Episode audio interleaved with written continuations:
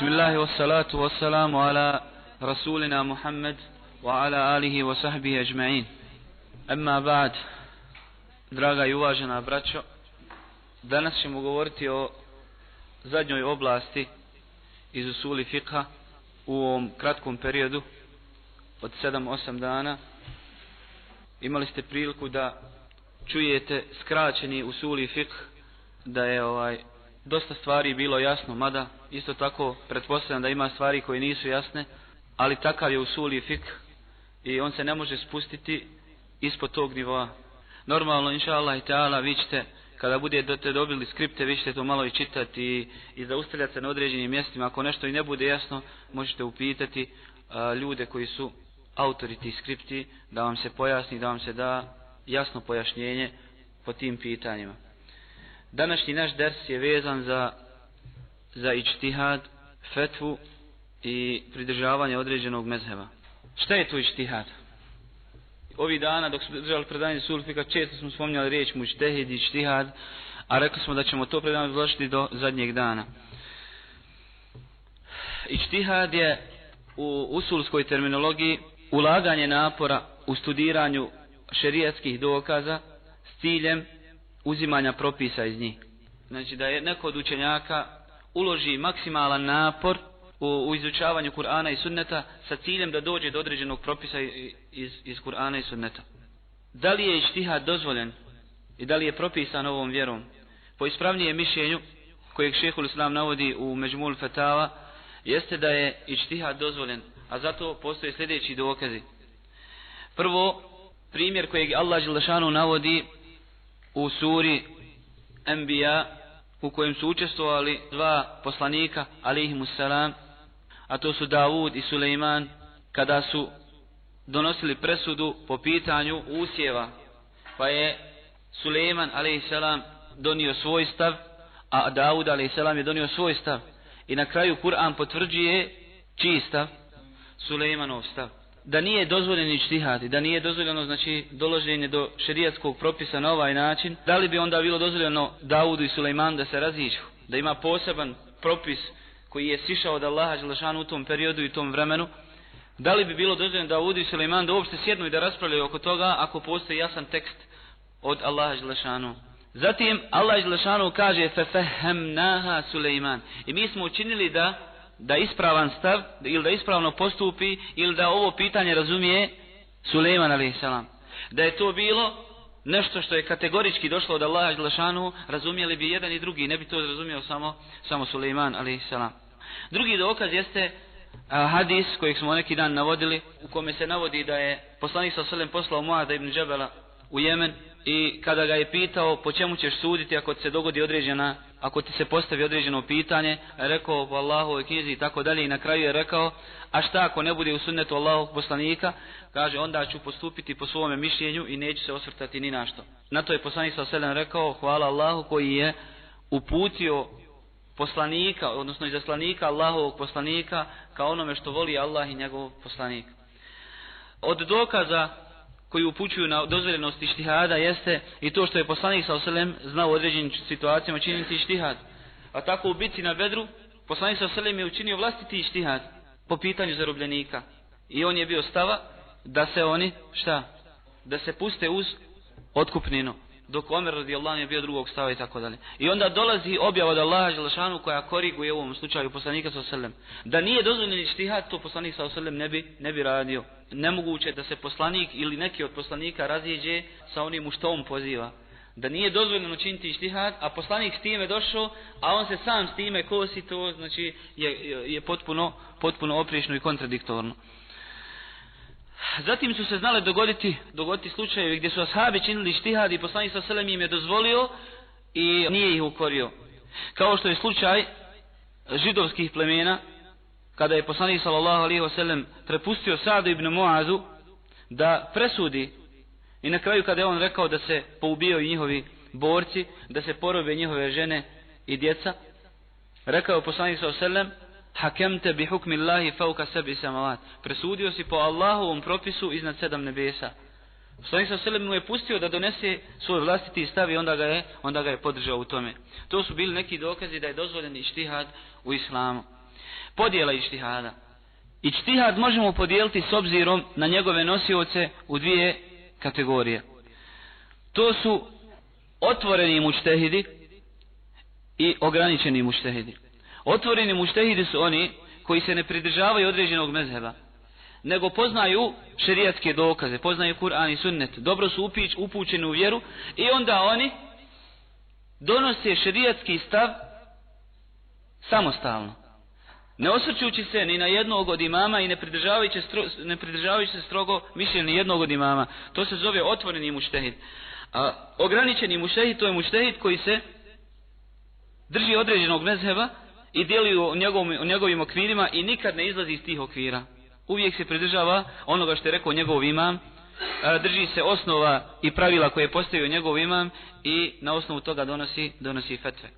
Zatim, s obzirom na ispravnost, odnosno na ispravnost ištihada, ištihad se dijeli na ispravni ištihad i neispravni ištihad. Ispravni ištihad je ištihad koji dolazi od učenog, od, od učenjaka, koji je sposoban da donese šrijatski dokaz, šerijatski propis na osnovu svoga znanja o Allahu i Želšanu vjeri, na osnovu poznavanja šerijatskih dokaza i tako dalje. A neispravan ištihad je ištihad koji dolazi od neznalice, onoga koji ne poznaje šerijatske dokaze, niti propise, niti arapski jezik, niti je upućen u, u hadise Allahu poslanika sa oselem, niti poznaje šta su učenjaci rekli po tom pitanju, takav ištihad je neispravan. I na takve se ne odnosi onaj hadis od poslanika sallallahu alejhi ve sellem kojeg bilježi Buhari Muslim kada sudija presudi donosi ištihad pa potrefi ima dvije nagrade a kada pogriješi ima jednu nagradu. Nije čovjeku dozvoljeno da bez šerijatskog znanja, znači bez jakog šerijatskog, a vidjet ćemo kad budemo govorili o uslovima ištihada, koji se to uslovi moraju ispuniti da bi čovjek bio muštehid, da, da bi činio ištihad, nije mu dozvoljeno da, da taj ištihad čini i da onda kaže, pa što ako potrefim imam, imam ovaj dvije nagrade, ako pogriješim imam jednu, u svakom slučaju imam nagradu. To se ne odnosi na nas, to se odnosi znači na onoga koji ispunjava uslove ištihada. I s obzirom na oblasti s koje se čini ištihad, ištihad možemo podijeliti u sveobuhvatni ištihad i pojedinačni ištihad. Znači što se tiče sveobuhvatnog ištihada, to je znači ištihad u svim oblastima. Da islamski učenjak poznaje sve oblasti, i Kur'an, i hadis, i fik, i islamsku istoriju, i jezik, i da iz svih oblasti može dati šta? Fetvu. To se zove sveobuhvatni ištihad. I taka, takva vrsta ištihada je dozvoljena onome koji sve ove oblasti poznaje. I pojedinačni ištihad, to je ištihad u određenoj oblasti. Takvu vrstu ištihada čine oni koji poznaju samo tu oblast. Ako čovjek samo poznaje fikh, dozvoljeno mu samo da čini ištihad u okviru fikha. Ako poznaje samo hadis, a nema, znači nije upoznat bar sa osnovama neke druge nauke, nije mu dozvoljeno da čini ištihad u tim drugim naukama. Koji su uslovi ištihada? Da bi ištihad bio ispravan, postavljaju se određeni uslovi. Te uslove možemo podijeliti u dvije vrste. Uslovi koji su vezani za muštehida i uslovi koji su vezani za pitanje u kome se donosi ištihad. Što se tiče uslova vezanih za muštehida, oni su sljedeći. Da bi čovjek bio muštehid, mora ispuniti sljedeće uslove. Da poznaje sve šarijatske dokaze, a to su Kur'an, sunnet, iđma, kijas, analogija, zatim sve one dokaze oko, oko, oko, oko kojih postoji slaganje među islamskih ili ili postoji ovaj razilaženje određenim njegovim segmentima, obaveza da je poznaje pravila oko kijasa, analogije, oko iđma, oko Kur'ana i sunneta, zatim da poznaje neka, neka usulska pravila, odnosno u stvari da poznaje usuli fik, da poznaje opšti i poseban tekst, da poznaje mutlak i mukajed, da poznaje mužmel i mubejen, znači to sve termi, termini koji se navode u usuli fikhu, mefhumul muhalefa, mentuk, mefhumul muvafaka i tako dalje. Drugi uslov koji, koji se mora ispuniti kod muštehida jeste da poznaje arapski jezik. Onoliko koliko mu je potrebno da razumije oblast koju izučava. Treći uslov koji se mora ispuniti kod muštehida jeste da uloži maksimalan trud u dolasku do šarijetskog propisa. Četvrto, da iza sebe u svome ištihadu ima jake dokaze i jaku osnovu. I peti uslov jeste da je shvatio i pojmi i ovaj poznaje situaciju ili pitanje u kojemu se postavlja postavlja, znači koji kojemu se postavlja. Nije mu dozvoljeno da da fetvu o nečemu što ne poznaje, što nije shvatio, čije detalje nije pojmio i tako dalje. Mora, mora, mora, znači, poznavati pitanje oko kojeg daje, e, oko kojeg čini ištihad. Zatim, uslovi koji su vezani za pitanje u kojem se čini ištihad. Ovo su bili uslovi vezani za mučtehida. Sada imamo pitanja koja su, ve, uh, uslovi koji su vezani za pitanje oko kojih se čini ištihad. Prvi uslov jeste da se po tom pitanju ne prenosi nikakav jasan tekst iz Kur'ana i Sunneta. Jer nema ištihada, ištihad se ne čini kad ima jasan tekst. Dolazi od Allaha ili poslanika, naredba ili zabrana i učenjak čini ištihad. Mislim, kad se radi o jasnom tekstu koji ne može biti dvosmislen, kad Allah kaže nemojte to raditi, ne činite to, ili radite to, obavljajte namaz, ne može sad doći neko i činiti ištihad, ne misli se ovdje na obavljanje namaza ovako kako to mi shvatamo, nego se misli na ovo i tu nema ištihada. U prvi uslov jeste da to pitanje se ne prenosi ni u Kur'anu, ni, ni u sunnetu. Drugi uslov kod pitanja oko kojeg se čini ištihad jeste da se po njegovom pitanju prenosi tekst. Ali taj tekst je dvosmislen. U prvoj situaciji znači da to bude jasan tekst, tu nema ištihada. U drugo, drugi uslov jeste da se prenese tekst, ali da taj tekst bude dvosmislen. Može se shvatiti ovako i ovako. Da bi ištihad bio dozvoljen, tekst mora biti ovoga karaktera. Znači da, može, da, da se može shvatiti i, i jednim shvatanjem i drugim shvatanjem. Primjer za to je slučaj koji se dogodio u vrijeme poslanika s.a.v. kada je rekao La yusallijenna ahadukum illa fi bani Hureyza. Niko od vas ne smije klanjati sve dok ne dođe do Beni Kureyze. Kada je poslao ashabe radijallahu anhu. Dio ashaba je shvatio da se ne smije znači klanjati osim kada se dođe u Benu, u Benu Kureza, pa makar izašlo namasko, namasko vrijeme, znači radilo se o ikindi.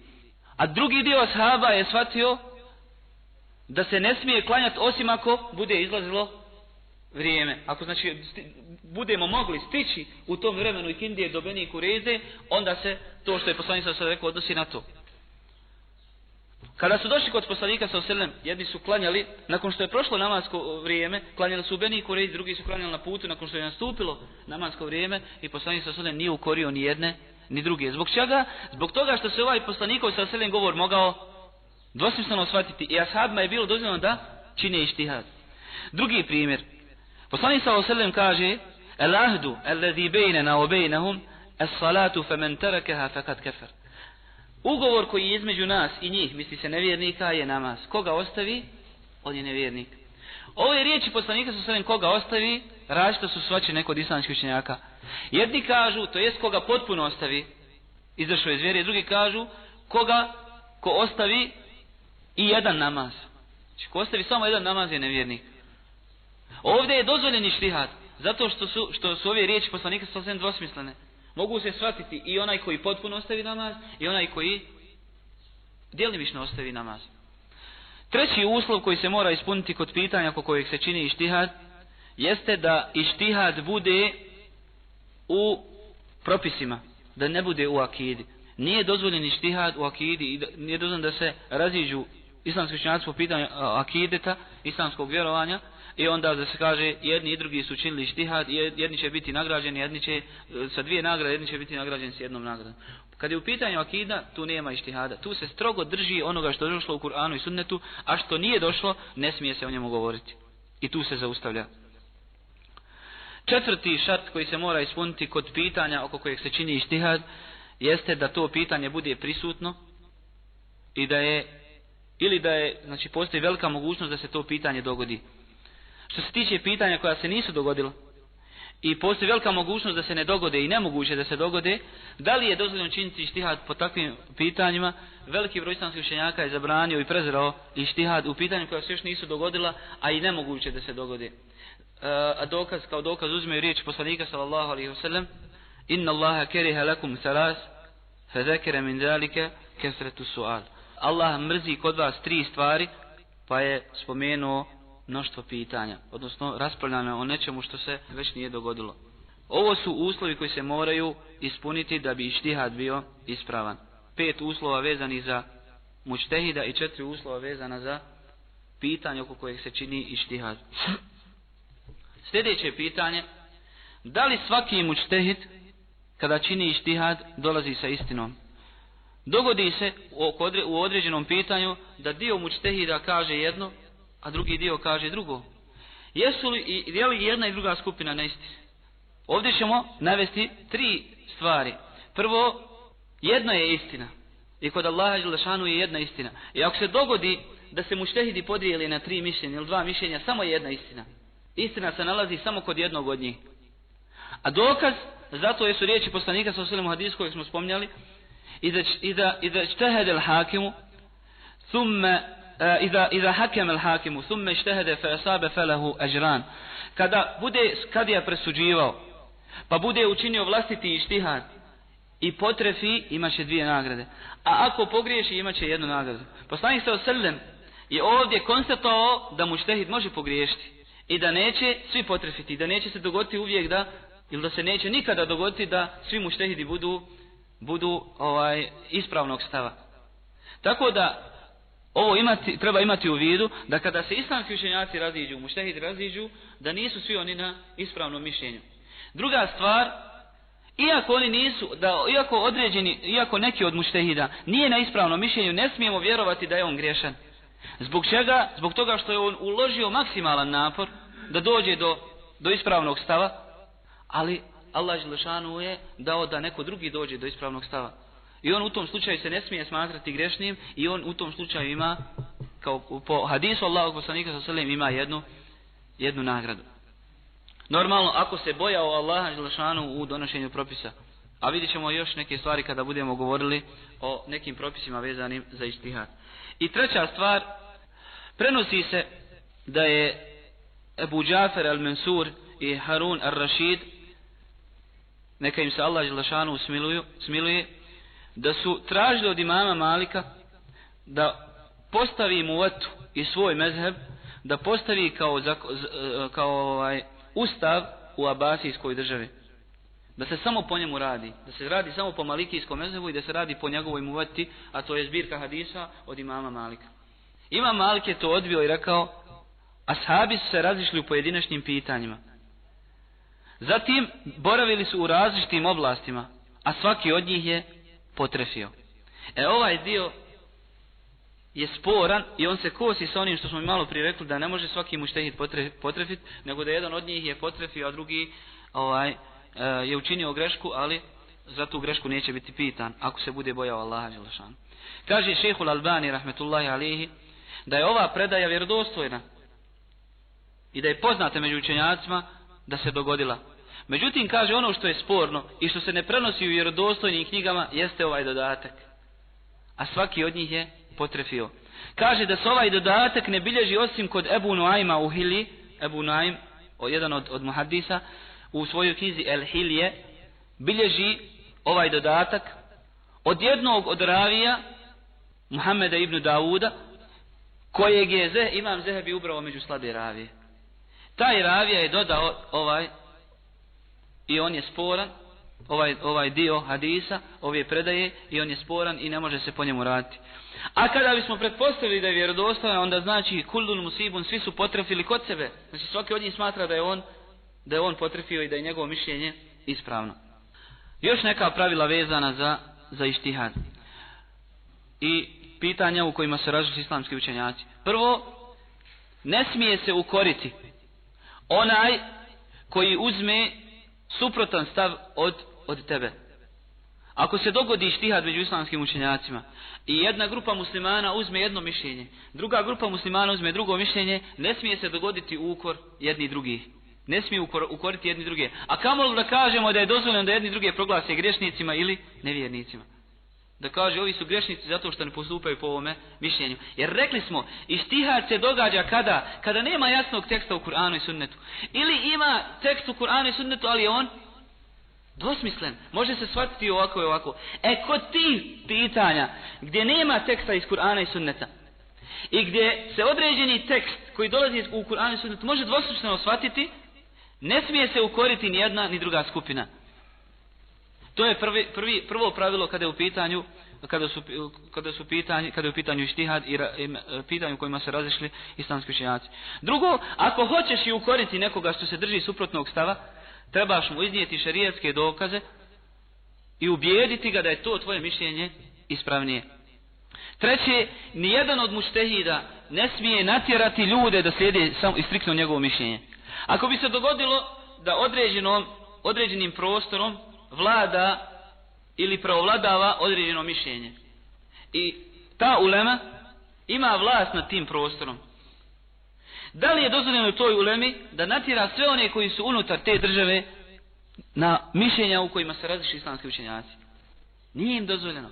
Nije dozvoljeno znači da tjeraju ljude na mišljenje ovaj samo jednog dijela islamskih učenjaka u pitanjima u kojima smo um, rekli smo se ne prenosi ne prenosi jasan tekst od od Allaha od Allaha od Allaha dželešanu i njegovog poslanika sallallahu alejhi ve sellem. Takva je takvi je pitanja najviše oko koji se različiti islamski učenjaci. Jedni kažu da je na džemat obaveza za drugih da kažu, jedni kažu da je nikab obaveza za drugih kažu da nije.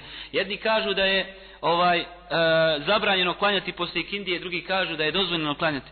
Sve su to pitanja oko kojih jedna i druga skupina ima dokaze i mogu se mogu se obostrano shvatiti. I tu nije dozvoljeno smatrati suprotnu skupinu grešničkom. Normalno ako se pridržavaju dokaza onih učenjaka koje, koje uzimaju u ovim pitanjima. Ako se radi o iznimnim mišljenjima, Či većina islamskog ummeta smatra jedno ili većina islamskog učenjaka smatra jedno i pojavljuje se učenjak koji dolazi sa iznimnim mišljenjima dozvoljena je kamata, dozvoljena je muzika, dozvoljena u, to, u tom slučaju je dozvoljeno ukoriti onoga koji se drži takvih mišljenja. Jer su ta mišljenja oprešna jasno, jasnim kuranskim i hadijskim tekstovima. Tu nema ištihada, le ištihada ma nas, nema ištihada pored jasnog teksta. Jer se za zavrnu muzike prenosi vjerodostojni dokazi. Mi možemo da kažemo učenja koji je učinio ištihad, da mu se Allah smiluje. On je činio štihadi i on će, njemu će biti oprošteno. Ali da li je nama dozvoljeno da nakon što vidimo da postoji jasan hadis, da je muzika zabranjena da kažemo, pa znate što ovdje su učenjaci različiti, mi ćemo uzeti ovo mišljenje. To su iznimna mišljenja i tu u tom slučaju nije dozvoljeno, nije dozvoljeno postupati po takvim mišljenjima. Od pravila ištihada ili propisa ištihada jeste da se ne smije, da muštehid ne smije smatrati svoje mišljenje e, kategorički ispravnim, a mišljenje drugih muštehida pogrešnim. Ako se, znači ako, ako dokaz ili dokaz kojeg on uzima je dvosmislen i može se shvatiti i na drugi način suprotno, na, suprotno ovaj, mišljenju ili shvatanju kako je on shvatio. Zatim od pravila ištihada rekli smo malo prije da je svaki muštehid ima, ima ili jednu ili dvije nagrade. I zadnje pravilo jeste da muštehid neće čovjeka sačuvati grijeha. Ako čovjek slijedi nekog od muštehida i uzima njegovo mišljenje, ne zbog toga što on ima dokaze, nego zbog toga samo što mu je to lakše, i ne pita za dokaze, nego slijedi svoju strast i gleda koje je lakše i uzme ga i ne, uopšte ne pita za dokaze, ta fetva ga neće spasiti. Allah zna njegov nijet i on će biti grešan pred Allahom Želešanu što je odabrao, jer je odabrao to mišljenje samo zbog svoje strasti. Tako da ga njegovo, da, da ištihad, ištihad mu da ne može čovjeka sačuvati od grija ako on namjerno i svojom strašu traži ono što mu je, što mu je lakše. I na kraju, kada se raziđu islamski učenjaci ili kada islamski učenjak pogriješi u fetvi, kakva, kakva opravdanja im možemo naći? Znači, islamski učenjaci su u određenim meselama pogriješili, ali i mi moramo naći opravdanje. A to su sljedeća opravdanja. Prije svega da niko nije bezgriješan mimo poslanika sa oselem kada su u pitanju vjerska pitanja, kada, su, kada je u pitanju vjera. Nema ni jednog čovjeka koji je bezgriješan i koji je sačuvan od pogreške osim poslanika sa oselem. Kaže ima Malik, od svakog čovjeka se uzima i ostavlja osim vlasnika ovoga kabra pa je pokazao na kabr na čiji je kabr pokazao na kabr poslanika sallallahu alejhi ve sellem. drugo opravdanje koje možemo naći za islamske učenjake kada pogreše u fetvi jeste da niko iz ummeta Muhammeda s.a.v. nije obuhvatio svo znanje. I da nema ni jednog čovjeka iz ovoga ummeta da poznaje sve hadise. I da poznaje sve propise. Tako normalno će se dogoditi razilaženje i da neko od njih nije čuo za hadis. Ovaj, I nije ga, nije ga namjerno ostavio. Nije čuo, jednostavno nije čuo za hadis. Treće, moramo biti ubjeđeni da niko od islamskih učenjaka neće ostaviti hadis kada mu, se, kada mu on dođe. Jer su se svi oni složili da je obaveza raditi po, po vjerodostojnom sunnetu. Tako da je nemoguće da mu dođe hadis da on kaže ne, ja ne radim po hadisu, ja radim po vlastitom mišljenju. I to je od lijepog mišljenja prema učenjacima da oni neće odbiti hadis, osim ako su oni ubijeđeni da taj hadis ili nije slab ili da taj hadis, da taj hadis ne dođe nikako do njih. to je jedno od opravdanja. Zatim od opravdanja jeste da nisu svi učenjaci na istom nivou inteligencije i shvatanja. I da Allah Želešanu određenim učenjacima daje jači, jači, jaču, ovaj, jaču moć pamćenja, razumijevanja i tako dalje. I zadnje opravdanje kojeg možemo naći islamskim učenjacima jeste da se pogrešno interpretira ono što su oni rekli. Bilo da to nije rekao islamski učenjac, nego je rekao neko od njegovih učenika koji su došli poslije njega i onda se to pripiše učenjaku da on to rekao. Ili islamski učenjak rekao određeno mišljenje, ali je pogrešno svačeno. Ili je rekao, ali je dodato na to mišljenje. Ili je islamski učenjak imao dva mišljenja. Jedno slabije, jedno jače, a ovo slabije je ostavio i onda se uhvati za to njegovo slabije mišljenje koje je on ostavio i, i ne radi više po njemu. Kao što i dan danas vidimo Malikije, da ne vežu ruke u namazu, zbog toga što je ima Malik, zbog znači toga što je bio izudaran od strane vlasti, nije mogao vezati ruke. I oni koji su ga vidjeli, zaključili su da je to sunnet. A sam ima Malik u svojoj umuveti bilježi hadis, da je poslanik sa srednjem vezao ruke desnu po lijevoj. U mueti, oni koji, koji slijedi imama Malika, kada bi pogledali našli bi mueti, da je on zabilježio taj hadis. Ali da je radio ovo što je radio zbog toga što nije mogao dizati, vezati ruke jer je bio pretučen od strane vlasti, kada je vlast tražila od njega da izda fetvu po pitanju razvoda braka pod prisilom. Upitan je da li je znači, ispravan razvod braka pod prisilom. Da vladar natjera nekog od podanika da razvede svoju ženu da bi on oženio. Jer se dogodilo u to vrijeme da je se halifi svidila žena od jednog od njegovih vojnika i tražio je šerijatsko opravdanje da on oženi tu ženu. Zovno je imama Malika i od njega je tražio da mu, da mu izda fetvu. Imam Malik je rekao da to nije dozvoljeno i da razvod braka pod prisilom ne biva ispravnim. I onda je tučen, vodali su ga na magarcu kroz Medinu i govorili su ovo je kazna onome koji, koji ne postupa po onome što halifa od njega traži. Ali imam Malik je uvijek ponavljao la jaka u talak, talak se ne događa, razvod braka se ne događa. To je što se tiče opravdanja koja se nalazi u učenjacima kada, kada se desi da učenjak pogriješi. Prelazimo na sljedeću oblast, a to je izdavanje fetve. Što se tiče izdavanja fetve, ili šta je fetva? Fetva je znači donošenje šerijatskog stava po određenom pitanju. Ili da islamski učenjak da svoje mišljenje ili svoj stav po određenom, po određenom pitanju. Mufti je onaj koji daje fetvu, mustefti je onaj koji traži to rješenje, a fetva je samo to rješenje. Koji se uslovi moraju ispuniti za, za davanje fetve? Prvo, da osoba od koje se traži fetva poznaje to pitanje, da bude ubijeđen da zna to pitanje i zna dokaze za njega, ili da bar kod njega provladava provladava mišljenje da je da poznaje to pitanje. Drugi uslov jeste da shvati pitanje koje mu se postavlja. I da potpuno sebi predstavi situaciju o onome pitanju znači, oko kojega ljudi pitaju. Nije dozvoljeno mufti da daje fetvu o onome što, što, nije, što, što ne poznaje i što mu nije dovoljno predstavljeno. A ako i bude davao, onda će reći, a ako bude ovako, onda je propis ovakav. Znači da pretpostavi sve situacije koje bi se moglo dogoditi, ako, normalno, ako pitalac bude nedovoljno jasan.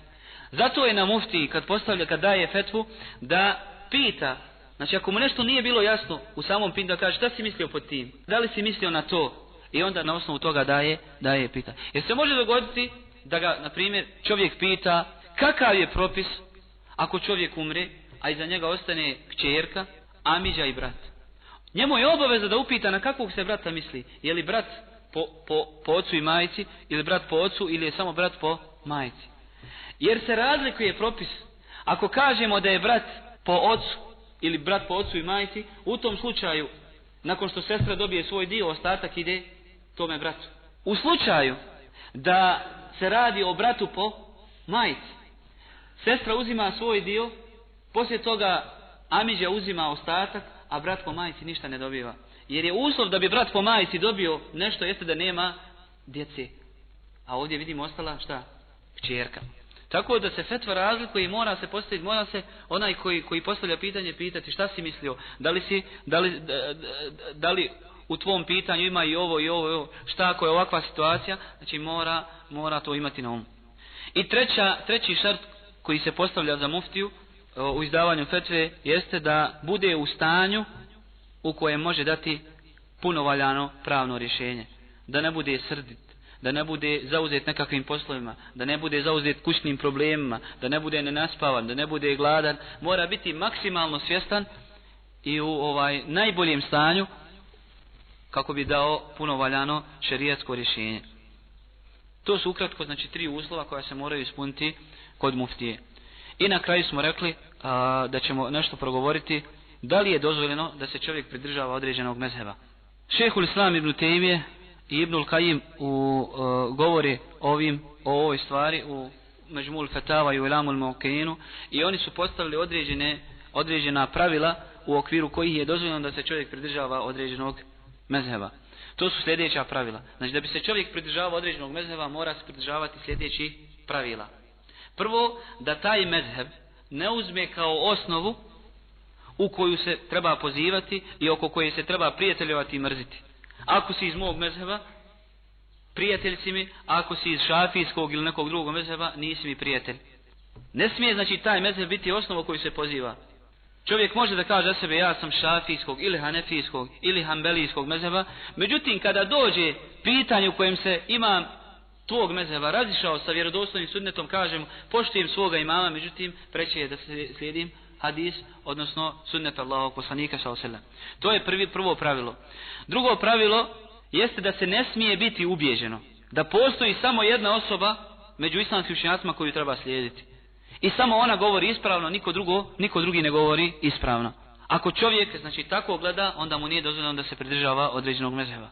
Treće, da se mora vjerovati da je nama dozvoljeno slijedjenje određenog imama ili slušanje određenog imama u nekom pitanju, ne zbog toga što je on to rekao, nego zbog toga što, se, što je dokaz uzeo određeni hadis. I kad uzimamo određeno mišljenje, ne smijemo ga uzeti zbog toga što ga je rekao Imam Ahmed, ili što ga je rekao Imam Ebu Hanifa, nego zbog toga što je Imam Ahmed ili Imam Ebu Hanifa u toj meseli uzeo hadis, ili vjerodostojni hadis, ili vjerodostojni sunnet Allahog poslanika sa osallam. I četvrto pravilo, kojeg se moramo pridržavati da bi se bilo dozvoljno držati određenog mezheva, jeste da ne upadnemo ni u jednu od prezrenih stvari u kojoj su upali ljudi pristrasni u, u, kada, su, kada je u pitanju mezheva. Među tim prezrednim stvarima koje su upali ekstremisti u mezhebima, prije svega jeste podijeljenost i rasjepkanost i neprijateljstvo. Tako da se znalo događati u islamskom ummetu da su mezhebe druge, da su druge mezhebe smatrali kao drugu vjeru. Pa su raspravljali da li je dozvoljeno Hanefijki da se uda za Šafiju i na kraju su rekli analogno ehlu kitabijama dozvoljeno da se uda i Hanefika za, za, ša, za, za, Pogledajte dokle su, dokle su išli. Kao da je to druga vjera. Ili da li je meni dozvoljeno klanjati za sljedbenikom hanefijskog mezheba i tako dalje. Prva prezrena stvar, rekli smo u koju su upali ekstremisti u mezhebima, jeste rascijepkanost, podijeljenost i neprijateljstvo. Druga prezrena stvar jeste okretanje od jasnih dokaza i davanje prednosti riječima imama. Ti mu kažeš, pa rekao Allah, rekao poslanik, ba dobro, ali al bereke, znači ber, beričet je u tome što je rekao Allah i poslanik, ali ipak kako ćemo mi ostupiti od ovoga što je rekao imamul azam i taj i taj imam. Treća prezrana stvar jeste da podpomaganje vlastitog mezheba pa makar i sa neispravnim dokazima. Da čovjek podpomaže svoj mezheb pa makar i neispravnim dokazima, hadisma koji su možda lažni, hadisma koji su slabi ili hadisima ili ovaj ili mišljenjima koja priječe jasnim kuranskim i hadiskim tekstovima. I četvrta prezirana stvar u koju su zapali ekstremisti u mezhebima jeste da su spustili imama na stepen poslanika sallallahu alejhi ve sellem. Znači spustili su svoga imama, imama svoga mezheba na na stepen poslanika sallallahu alejhi ve sellem tako da kažu da se ne smije odstupiti od njegovog mišljenja. Normalno, ovdje treba napraviti, e, pod ovim pravilima i u okviru ovih pravila je dozvoljeno da se čovjek drži određenog mezi da kaže da se ja sam šafija, međutim da poštuje ova pravila koja smo sad ovdje naveli. A ova pravila je spomenuo šehhul islam te ime u Međumul Fetava i rekli smo i imam Ibnul Kajim u Elamu al Muakein. Normalno, ovdje trebamo napraviti razliku iz, između običnih ljudi i ljudi koji su sposobni da, da, da, da raspoznaju dokaze. Običnim ljudima je dozvoljeno da se pridržavaju određenog mezeba u svejednom pitanju. Ljudi koji ne znaju ni šta su dokazi, niti mogu razumjeti, niti zna šta je razilaženje, takvima ljudima je dozvoljeno da najbližu osobu koja, koju, koju oni smatraju najučenijom i najpovjerljivijom da je upitaju u svakom pitanju i da je u tome slijede. I postoji znači druga grupa ljudi su ljudi koji mogu prepoznati i vide da je određeni hadis slabiji ili jači, takvom je dozvoljeno, takvom je zabranjeno da slijedi, slijedi određeni mesec u svakom pitanju. Toliko što se tiče usuli fikha na ovome seminaru. Molim Allaha Đelešanu da ove stvari budu korisne i meni i vama.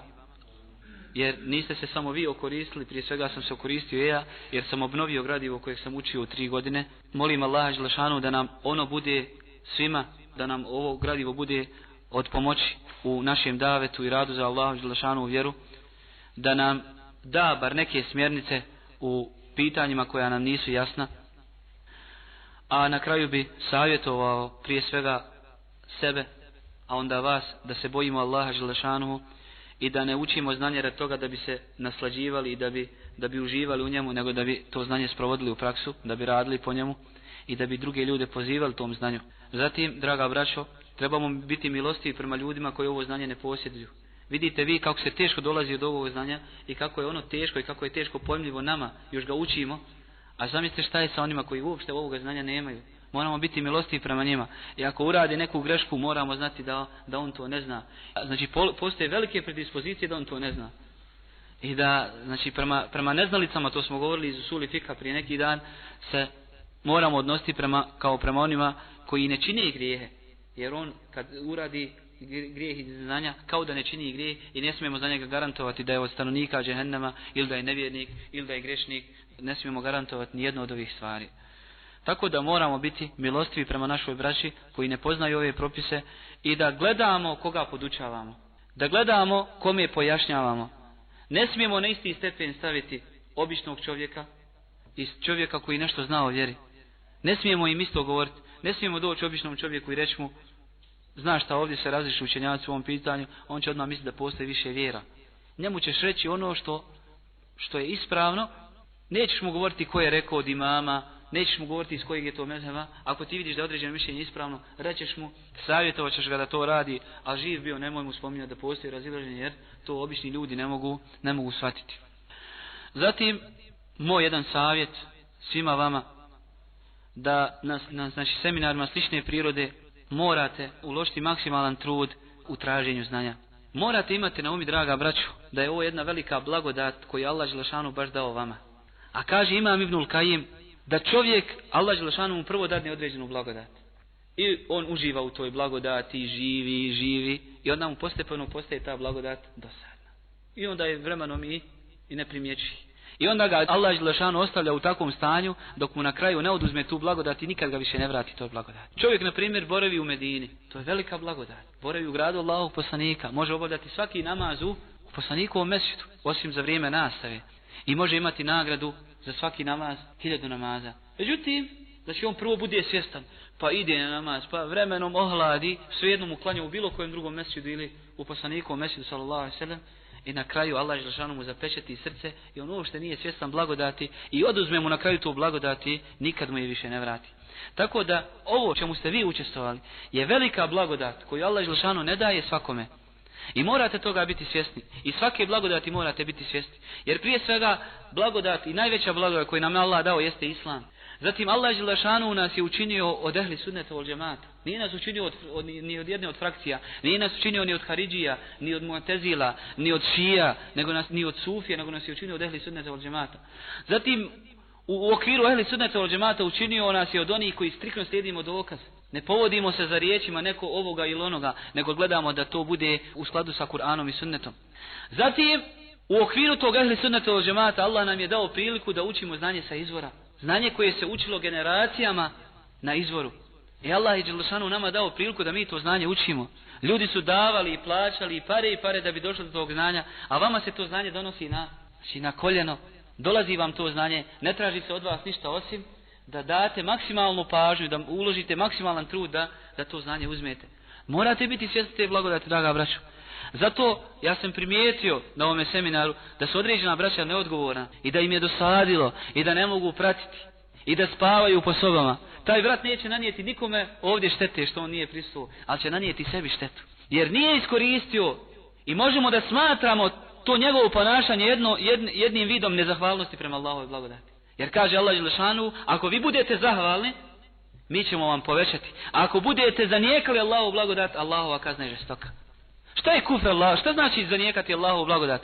To jest, kada dobiješ određenu blagodat, onda je ne iskoristiš onako kako treba. Šta je blagodat, kako, šta je zahvala na blagodati ruke? Da je koristiš tamo gdje, gdje je korisno, da pomažeš e, nejakima, da ne radiš sa njom osim ono što je Allah Želešanu naredio. Šta je blagodat vida?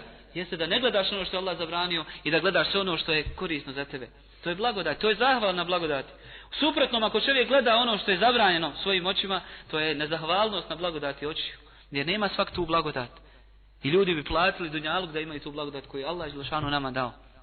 Zato ovakvo nedolično ponašanje određene braće mogu da smatram, znači kao prije svega štetu za njih, a drugo nezahvalnost ovoj Allahu Želešanu blagodati. Ali i pored toga savjetujem prije svega i sebe i vas da na, na ovakvim skupovima na kojima budete u budućnosti pristovali shvatite kolika je to blagodat i da je ovaj da iskoristite kako biste se maksimalno koristili od nje. I na kraju tražim znači halala od svakog od vas. Ako sam znači bilo direktno ili indirektno nekoga uvrijedio ili sam znači na nekoga zagalamio ili sam nekome oduzeo neč, neko pravo svakog od vas pojedinačno tražim da mi halalite, da mi oprostite, da ako se nešto je dogodilo, nije se dogodilo sa namjerom, a ako se dogodilo sa namjerom, bilo je od, od strane šeitana, a isto tako ja vama svima halalim, nemam u, svom, u svojim prsima ništa ni prema kome od vas, molim Allah Želešanu da naša prsa očisti i da ju učini čistima jednih prema drugima i da vas nagradi, da vam da najveću nagradu za, za vaše prisustvo ovdje. Akulu kauli hada wa astagfirullahi li wa lakum fastagfiruh. Rekao je od Allaha tražim oprost za vas i za sebe.